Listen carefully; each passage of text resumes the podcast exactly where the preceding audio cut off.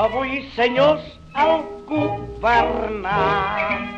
El conseller de Cultura, Ferran Mascarell, en la seva primera visita oficial a les instal·lacions del 2CR, que és com s'anomena també el nou centre, ha remarcat que es tracta d'una infraestructura d'estat. I no només això, sinó que diria que és una infraestructura avançada d'estat. Una institució que jo crec que és modèlica des del punt de vista de la seva feina i que ens garanteix doncs, un lloc d'honor en la voluntat de conservar i de tractar de manera pertinent l'audiovisual català i tot allò que doncs, qui està vinculat. No? I és que ha costat molt arribar fins aquí per poder emular la feina de filmoteques prestigioses del món, com ara la Cinematec francès, el MoMA de Nova York o el British Film Institute, a Anglaterra. Tenim una institució de primera qualitat, de notable importància en el context de les filmoteques. La nostra va començar una mica més tard, com sol passar-nos sempre a Catalunya. Tot comença una mica més tard. Les filmoteques van començar en els anys 30. Nosaltres mm, també vam començar molt aviat, però va ser en els principis dels 80. I finalment hem aconseguit dotar-la de totes les eines, de tots els instruments, de tots els, els elements que ha de tenir.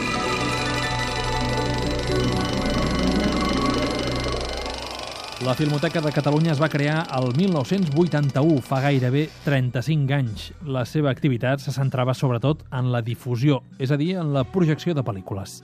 El 1992, però, va néixer l'arxiu que custodiava el patrimoni cinematogràfic català. Un pas més per la normalització, però en calia un altre, que és el que ha arribat ara amb el Centre de Conservació i Restauració. Amb un any que fa que està en funcionament, el 2CR ja acumula una col·lecció de prop de 29.000 registres.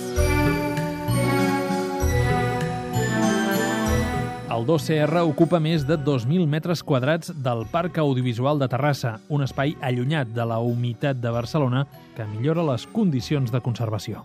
Té dues plantes i una desena de treballadors. Una de les zones més màgiques és la de les neveres subterrànies que custodien gairebé 190.000 llaunes de material fílmic. Per tal de protegir-les amb garantia, com que tenen nitrat altament inflamable i degradable, s'ubiquen en neveres molt protegides, que poden arribar als menys 15 graus de temperatura mínima.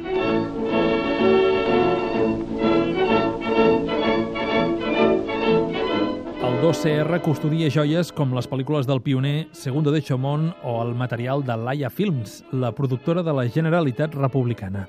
Tot i així, Mariona Bruzzo, directora del centre, prefereix no destacar cap tresor concret, va més enllà. El gran tresor és el cine català, poder-lo explicar i que ara comencem a estar preparats per poder explicar el tresor que és el cine català i que, malauradament, per la nostra pròpia història, sovint ha sigut el gran oblidat dintre de la història cultural a Catalunya. Als últims anys s'han salvat pel·lícules com Reborn, de Vigas Luna, Alrededor de les Salines, de Jacinto Esteve, o Vida en sombres, de Llorenç Llobet Gràcia. També s'han inspeccionat les filmografies de Josep Maria Forn, Jaime Camino o José María Núñez. Des de fa dos anys eh, estem en un projecte de recuperació i digitalització de totes les proclamacions de la República, perquè afortunadament en tenim moltes.